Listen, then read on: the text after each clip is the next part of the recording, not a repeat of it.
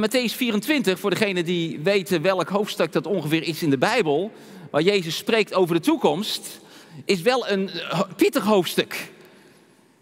En ehm, daarom wil ik eerst even een, een, een basis leggen. En dat is de aanleiding van iemand die me niet zo lang geleden een, eh, best wel een serieuze vraag stelde. Een hele eerlijke, oprechte vraag.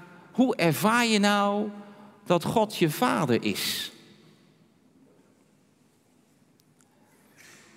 Het is zo belangrijk dat wij als discipelen, als leerlingen, volgelingen van Jezus, God hebben leren kennen als onze Vader in de hemel.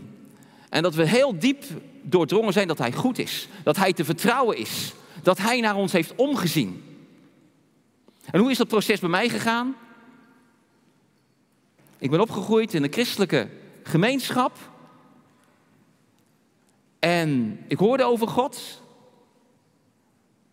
En verstandelijk wist hij, ja, hij wordt onze vader genoemd. We baden het onze vader thuis. Maar pas toen ik een persoonlijke ontmoeting had met Jezus, doordat ik besefte wat hij voor mij heeft gedaan. En ik mijn zonde had beleden. Ik besefte, hij heeft mijn schuld weggedaan.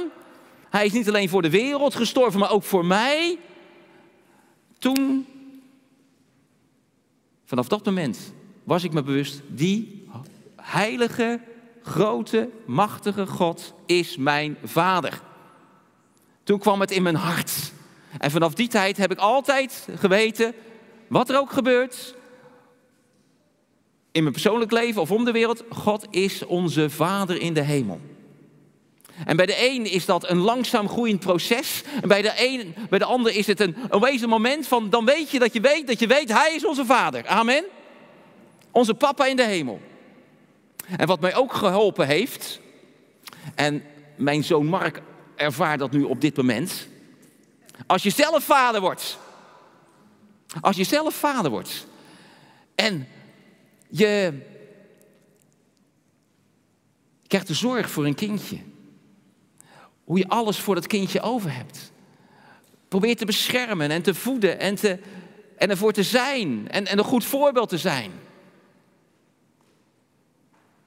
Jezus die gezegd heeft, wie mij heeft gezien, die heeft de Vader gezien. Dan is dat besef van, ja, hij is een goede vader. Als mens probeer je een goede moeder of een goede vader te zijn voor je kind. Met al onze beperkingen. En hij is volmaakt.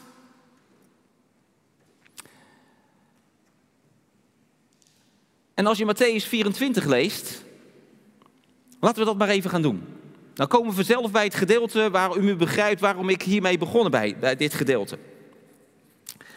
We gaan naar uh, Matthäus 24 even, uh, gelijk vanaf het eerste vers. En er staat, nadat Jezus de tempel had verlaten, wenden zijn leerlingen zich onderweg tot hem en vestigden zijn aandacht op de tempelgebouwen. In andere vertaling staat voor het woord leerlingen discipelen. Discipelen zijn leerlingen. En als het goed is, zijn we allemaal leerlingen van Jezus. Is dat zo? Willen we leren? Willen we Hem volgen? Willen we worden als onze meester? Onze rabbi? Want dat is zijn verlangen. Dat we meer en meer op Hem gaan lijken. Dat we meer en meer gaan doen wat Hij heeft gedaan. Dat we meer en meer gaan denken zoals Hij. En daarom is het belangrijk om altijd connect te blijven met onze rabbi. Onze Jezus. De Christus, de gezalfde. En het is zo mooi dat de discipelen, die wenden zich tot hem. En wij mogen ons altijd tot hem wenden. Tot onze meester. En hij wil altijd antwoord geven. En dat doet hij op vele verschillende manieren. Maar als je die relatie met hem hebt, dan weet je, als je dingen aan hem vraagt. Of in zijn naam tot de Vader, dat hij werkt in ons leven. Dat hij reageert, dat hij spreekt. Want zijn schapen, die horen zijn stem, die kennen zijn stem.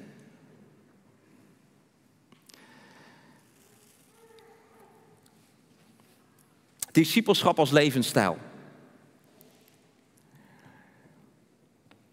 Dat is ons hele leven belangrijk om dat te beseffen. Ik wil groeien, ik wil groeien, ik wil groeien als leerling van Jezus. Wat Hij heeft gedaan, wil ik doen. Wat Hij doet, wil ik doen. Hoe Hij denkt over mij, over mijn broers en zussen, over de wereld, zo wil ik denken. Hoe Hij voelt, wil ik voelen. En dat kunnen wij onszelf gewoon niet. Dat kunnen we echt niet. Maar, prijs de Heer, we hebben de Heilige Geest. Door wie we wedergeboren zijn. En dan uh, lezen we verder in dit gedeelte. Nou, voordat we dat doen, ga ik nog even naar Matthäus 28. Daar wordt ook al gesproken over de opdracht die Jezus heeft gegeven. Dan begint hij met die bemoedigende woorden: Mij is gegeven alle macht in de hemel en op de aarde. Dat besef mogen we elke dag weer hebben. Hij heeft alle macht in hemel en op aarde. En dan zegt hij: Ga op weg, maak alle volken tot mijn discipelen, mijn leerlingen. Door hen te dopen. We hebben twee weken geleden gedaan, heb, heerlijk doopfeest gehad. In de naam van de Vader, de Zoon en de Heilige Geest. En hun te leren dat ze zich moeten houden aan alles wat ik jullie opgedragen heb. En dat is veel hoor, wat Jezus ons heeft opgedragen. En dat is best een uitdaging. Maar Hij wil ons daarbij helpen.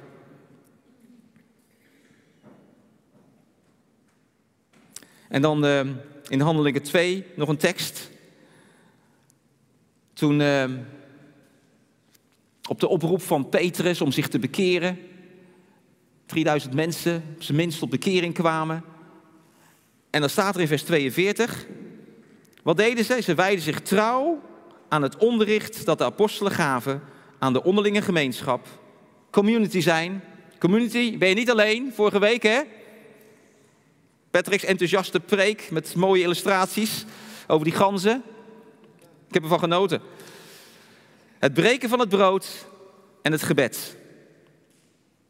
Ze wijden zich trouw aan het onderricht van de apostelen, aan de onderlinge gemeenschap. Dat is wat discipelen doen. En het is heel belangrijk als je elke keer weer beseft van ik ben niet, maar, ik ben niet zomaar een gelovige in Jezus, maar ik ben een leerling. Ik ben een discipel. Ik ben leergierig.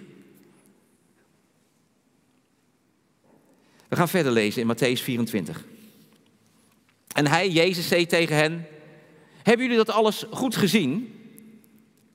ze hebben dus op die tempelgebouwen uh, gewezen. Ik verzeker jullie, geen steen zal op de andere blijven, alles zal worden afgebroken. En dat is 40 jaar later, in ongeveer 70 na Christus, is inderdaad de tempel verwoest geworden. Jezus had het voorzegd. En het is gebeurd. En dan gaat Jezus nog verder praten over jaren, eeuwen die erna komen. Later ook in het hoofdstuk. Vers 3, en op de Oplijfberg ging hij zitten met zijn leerlingen om zich heen. En nu ze onder elkaar waren, vroegen ze, vertel ons, wanneer zal het allemaal gebeuren? En aan welke teken, aan welke teken zullen wij uw komst en de vertooiing van deze wereld herkennen? Een open, eerlijke vraag van, van de discipelen aan Jezus. En daar is het antwoord van Jezus. Dat is uh, vers 4. Pas op dat niemand jullie misleidt. Jezus gaat geen jaartal noemen. Het gaat niet in de vraag van, nou, uh, in, uh, over 40 jaar zal de tempel verwoest worden. Nee, wat, wat hij zegt is, pas op. Dat niemand jullie misleidt. Want er zullen velen komen die mijn naam gebruiken en zeggen, ik ben de Messias. En ze zullen vele mensen misleiden. In deze vertaling staat pas op. Letterlijk wordt daar het woord kijken of, of, of zien gebruikt. Dus kijk uit. Pas op.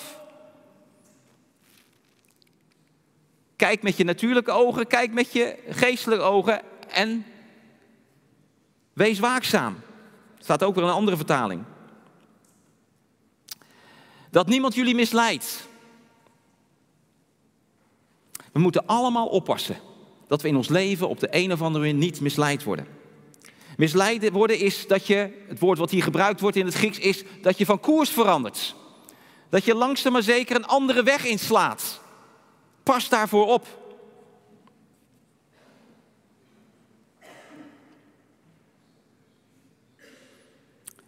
Zullen mensen gaan zeggen, ik ben de Messias. Daar is de Messias. Of alleen maar door mij kun je bij de Messias komen. En we moeten oppassen voor dwaalleren. Laatst had ik even met iemand uit ons midden een, ehm, een e-mailwisseling, omdat hij een uitnodiging had gekregen, een, een flitsende digitale flyer, ehm, die eh, de kerken bij elkaar riep om gemeenschappelijk eh, te ervaren wat, wat God wil in deze tijd. Zag er allemaal flitsend uit. Alleen de kerk kende ik niet. Het was ook nog eens in het Engels. Nou, ik ken heel wat kerken in de regio van Rotterdam, maar die kerk kende ik niet. Hoewel, langzaam dacht ik van, hé, hey, ik heb wel eens wat van deze beweging gehoord. Het blijkt een beweging uit Noord-Korea of eh, uit Zuid-Korea te zijn. En uh, het lijkt allemaal goed, maar de grondlegger, die is degene, is die engel die genoemd wordt in Openbaringen hoofdstuk 7 weet niet of die, nee, die tekst heb ik niet volgens mij. En als je dan wat gaat googlen, dan zie je het is een secte. Want alleen als je bij hen hoort, dan zul je bij de uitverkorenen zijn. Maar op de een of andere manier hebben ze een bepaalde overredingskracht, waardoor ze heel wat mensen uit traditionele kerken of gewoon kerken aan zich weten te winnen. Binden wereldwijd. Zorgelijk. Dus attent zijn. Waakzaam zijn. Maar het kan ook zijn dat door een bepaalde leer je ook langzamerhand misleid wordt. ik noem eventjes hypergenade. dat is ook een beweging waar heel veel nadruk wordt gelegd op de genade van God. God is zo genadevol. En dat is hij, halleluja. Maar niet zodanig dat hij wetteloosheid in je leven goed praat, goed vindt. Want dan, als je dit hoofdstuk leest, dan word je wel eventjes wakker geschud. Dat we waakzaam moeten zijn, dat we op moeten passen als gelovigen. Er zijn natuurlijk ook christenen vooral uit welvarende landen, die zoveel nadruk gaan leggen op God wil jou financieel zegenen. God wil jou rijk maken. En we zijn gezegend. En God zorgt voor ons. Als wij het koninkrijk van God als eerste zoeken, Hij zal voorzien. Ik heb het gezien in mijn eigen leven. God is zo goed, Hij heeft zo voorzien. Maar ik zal nooit prediken, God ga jou financieel rijk maken. We moeten dit hoofdstuk zomaar eens verder lezen. Dan begrijp je waarom ik dat zeg. Ik geloof God wil je zegenen. Jezus is gekomen om je te redden van de zonde. God is gekomen om heerlijke blijdschap in je leven te geven. Dat je weet dat je weet dat Hij je vader is. Echte vrede is bij Jezus te vinden. En Hij zal voor je zorgen. In onderdak, in voedsel, datgene wat je nodig hebt. Zo is God. Maar ik weet ook dat heel veel mensen wereldwijd, ook in bepaalde landen, die gaan achter financiën aan. God gaat mij rijk maken. Dat is een dwaalleer. Je wordt misleid.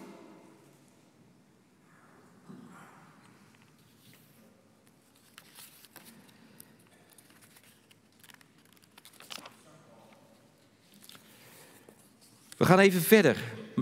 Vers 6. Jullie zullen berichten horen over oorlog en oorlogsdreiging. Laat je dan niet ver ons rusten. Die dingen moeten namelijk gebeuren. Al is daarmee het einde nog niet gekomen. Het ene volk zal tegen het andere ten strijde trekken en het ene koninkrijk tegen het andere. En overal zullen hongersnoden uitbreken en aardbevingen plaatsvinden. Dat alles is het begin van de weeën. Ik ben een aantal keren, dus de afgelopen twee weken, bepaald bij Matthäus 24. En ehm, ja, wat hebben we de afgelopen jaren gezien? Een pandemie, begon in 2020. Vorig jaar de oorlog in de Oekraïne. Een paar dagen geleden de aardbeving in Turkije, Syrië. En dan moet je denken aan dit gedeelte, u niet? Het is nog niet het einde. Het is het begin van de weeën. Want als Gods oordelen werkelijk over deze wereld gaan komen, het zal nog vele malen erger zijn. Maar het is heel belangrijk dat wij waakzaam zijn, dat wij oppassen. En dat we ons niet laten verontrusten. Ik uh, hoorde dat een uh, Nederlandse wetenschapper, die had drie dagen voordat deze aardbeving kwam, die had het al gezegd, dit gaat binnenkort gebeuren. En had gelijk. En er zullen nog veel meer aardbevingen ook in dat gebied gaan plaatsvinden. Ik hoorde dat, ik heb ook foto's gezien, dat die, die plaat van Anatolia, van Turkije, hè, daar is de, de, de, de, onder heb je de Afrikaanse en de, en Arabische plaat, die is drie meter opgeschoven. Kan je nagaan hoeveel dat te bewerkt heeft in dat gebied. En ik heb ook mensen horen spotten. Waar is dan God, dat God dat toelaat? Was een burgemeester ergens in Turkije, die zegt, wij houden ons in deze plaats aan de rechtlijnen van het bouwbesluit.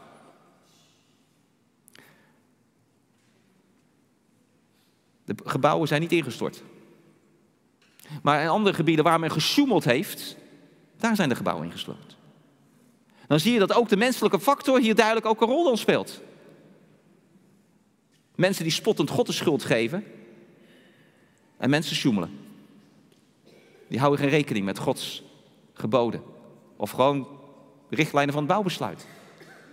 Daarom is het zo belangrijk dat wij als leerlingen van Jezus ons echt houden aan Gods regels.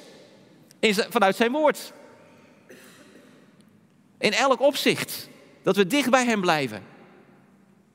Want anders komen we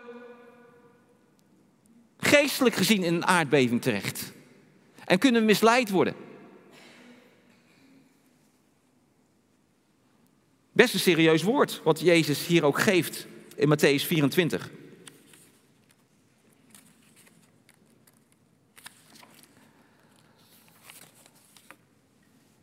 Matthäus 28, waar, die ik net gelezen heb, om te leren aan de volkeren dat ze discipelen zijn, om hen te houden aan alles wat ik jullie heb opgedragen.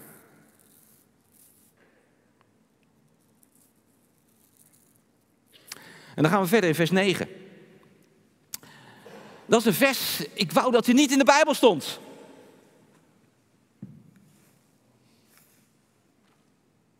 Dan zal men jullie onderdrukken en doden. En jullie zullen door alle volken worden gehaat, omwille van mijn naam.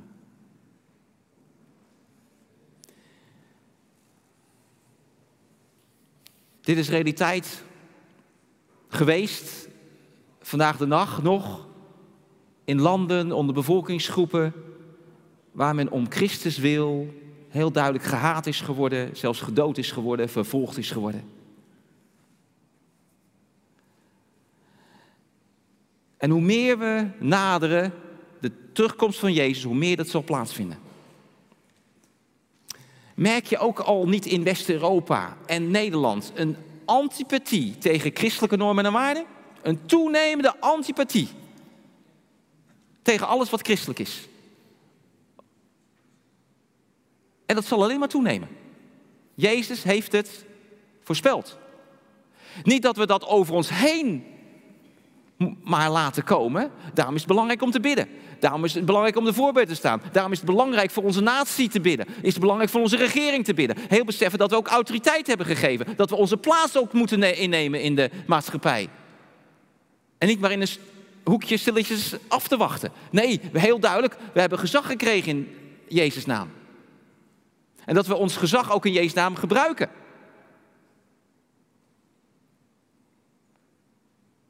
Maar we weten ook, als we de Bijbel lezen, duisternis die zal ook toenemen.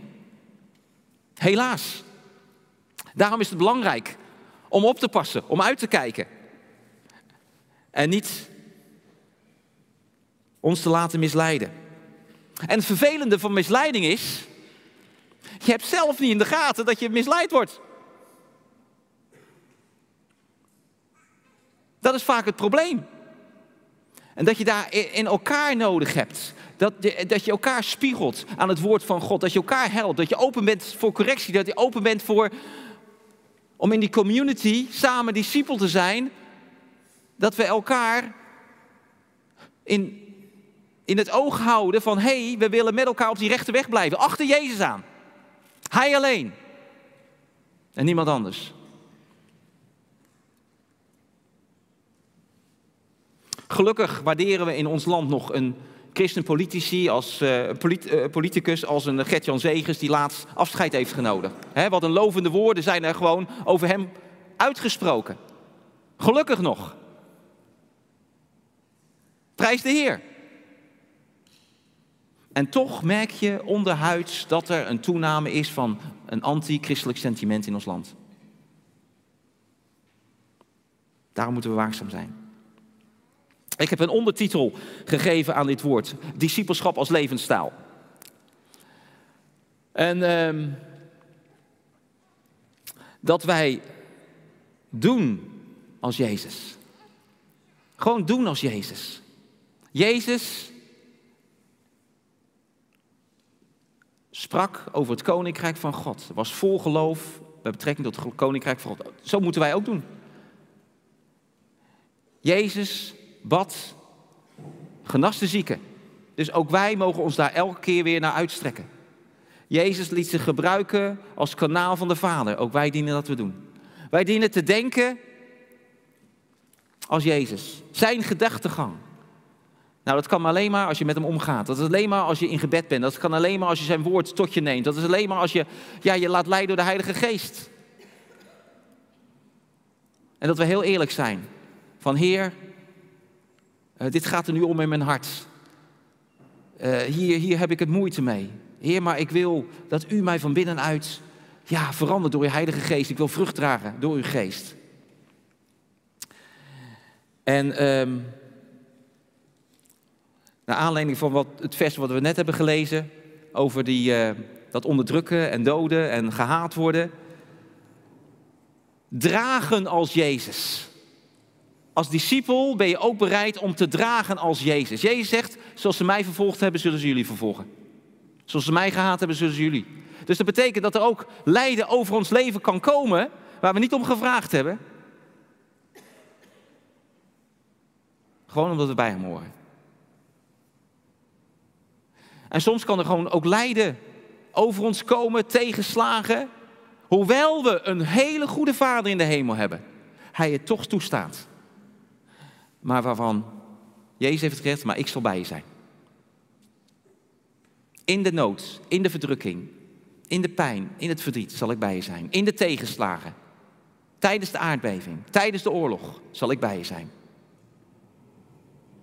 Want ik heb een hoopvolle toekomst voor je. Amen. En dan staat er in uh, vers 10. Velen zullen dan ten val komen. Ze zullen elkaar uitleveren en elkaar haten. En er zullen talrijke valse profeten komen die velen zullen misleiden. Ook dat is confronterend. Want als we heel eerlijk zijn, als we dit gedeelte analyseren, tot wie spreekt Jezus? Hij spreekt tot gelovigen. Hij spreekt over gelovigen die ten val komen. Die misleid worden. Dus daarom moeten we als leerlingen heel attent blijven en waakzaam blijven. Ehm, het woord ten val komen betekent gewoon struikelen. Uh, komt, er zit het, woord, het Griekse woord scandalon in, waar, weer, waar schandaal weer van afgeleid is. Um, het kan betekenen in de vallokken, struikelen of leiden tot zonde, afvalligheid of ongenoegen.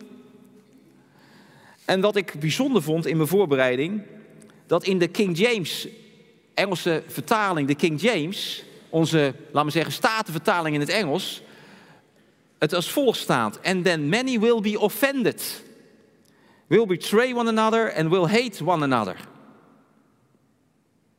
En dat is namelijk ook een betekenis. Er stond ergens anders, hetzelfde woord wordt ergens anders gebruikt, de fariseeër, die, ik weet even het Nederlandse woord niet, maar waren ook offended met Jezus optreden. Ze waren beledigd. Ze waren verbolgen over Jezus. En het kan zijn dat je als volgeling van Jezus gekwetst bent. Being offended. Teleurgesteld bent. Gewoon in medechristenen. En er is een tekst in Spreuken die zegt: Een onverongelijkte broer is ontoegankelijker dan een vesting. Als iemand, als jij, als ik verongelijkt ben, iemand heeft mij gekwetst. Gewoon eerlijk, het doet echt pijn. Dat had ik niet verwacht van deze broer of zus. Of dat had ik niet verwacht van die voorganger. Of dat had ik niet verwacht van dat familielid die ook christen is. Of niet christen is. En je blijft met die gekwetstheid lopen. Kan het zijn dat je als het ware een muur om je heen maakt, als een vesting. En je niet meer opent voor de community. Je niet meer opent voor andere broeders en zusters of in input. En dan kan het zijn dat je langzamerhand misleid wordt. En dat het zo kan leiden dat je op een gegeven moment, als je niet meer afreikent, dat je in die val stapt, dat je zelfs op een gegeven moment bij nog meer druk, vervolging, anderen gaat verraden en gaat haten. Dat is heel gevaarlijk. Daarom is het zo belangrijk dat we alle geboden van Jezus toepassen in ons leven. Als we gekwetst zijn. En dat gebeurt. Dat we kiezen voor vergeving. Jezus zegt, bid zelfs voor degene die jou vervolgen. Dat we beginnen te bidden voor die persoon die jou gekwetst heeft. Die jou verongelijkt heeft. Want het woord haten wordt hier gebruikt, maar het kan ook betekenen een gebrek aan liefde. Dat je geen liefde meer in je hart hebt, gewoon een vacuüm van leegheid voor een andere persoon. Je wordt onverschillig. Ook dat is een gevaarlijk uh, situatie. Is een gevaarlijke situatie. Want Jezus zegt dat we zelfs onze vijand dienen lief te hebben. Nou, dat kunnen we niet uit onszelf. Daar hebben we de AKP-liefde. En ook dat is zo bijzonder in dit gedeelte. Als we dan verder lezen, in vers 12, en doordat de wetteloosheid toeneemt, de wetteloosheid zal toenemen in de maatschappij. Dat zie je gebeuren. Maar wetteloosheid zal en kan ook toenemen onder gelovigen. Dat we het niet allemaal zo nauw nemen met de instellingen van de Heer. Dan zal bij velen de liefde bekoelen. En weet je wat hier staat in de grondtekst? Agape. En de agape-liefde is eigenlijk de liefde van God die in de christenen is komen wonen. Want de wereld die heeft geen agape, die, die, die, die kent de agape niet. Die kent filio, de, vriendelijk, de vriendelijkheid, de, de, de, de, liefde op dat gebied, maar niet de agape-liefde. En de agape zal bekoelen. Dus de agape onder gelovigen zal bekoelen. Dat is eventjes schrikken. En daar moeten we voor oppassen. Daarom zegt Jezus als antwoord op de vraag van de discipelen, wanneer gaat het gebeuren? Hij zegt, pas op dat jullie niet misleid worden. Er zullen van allerlei dingen gebeuren. En dus, jullie zullen komen in weeën van, van oorlogen, aardbevingen, hongersnoden, ziekten. Maar pas op. En waar ik mee begonnen ben, realiseer God is goed. Hij is je vader in de hemel. Hij kent je. Hij is bij je. Ook in de verdrukking. Ook in de moeilijkheden. Vertrouw op hem. En Jezus zegt ze, ik ben met je.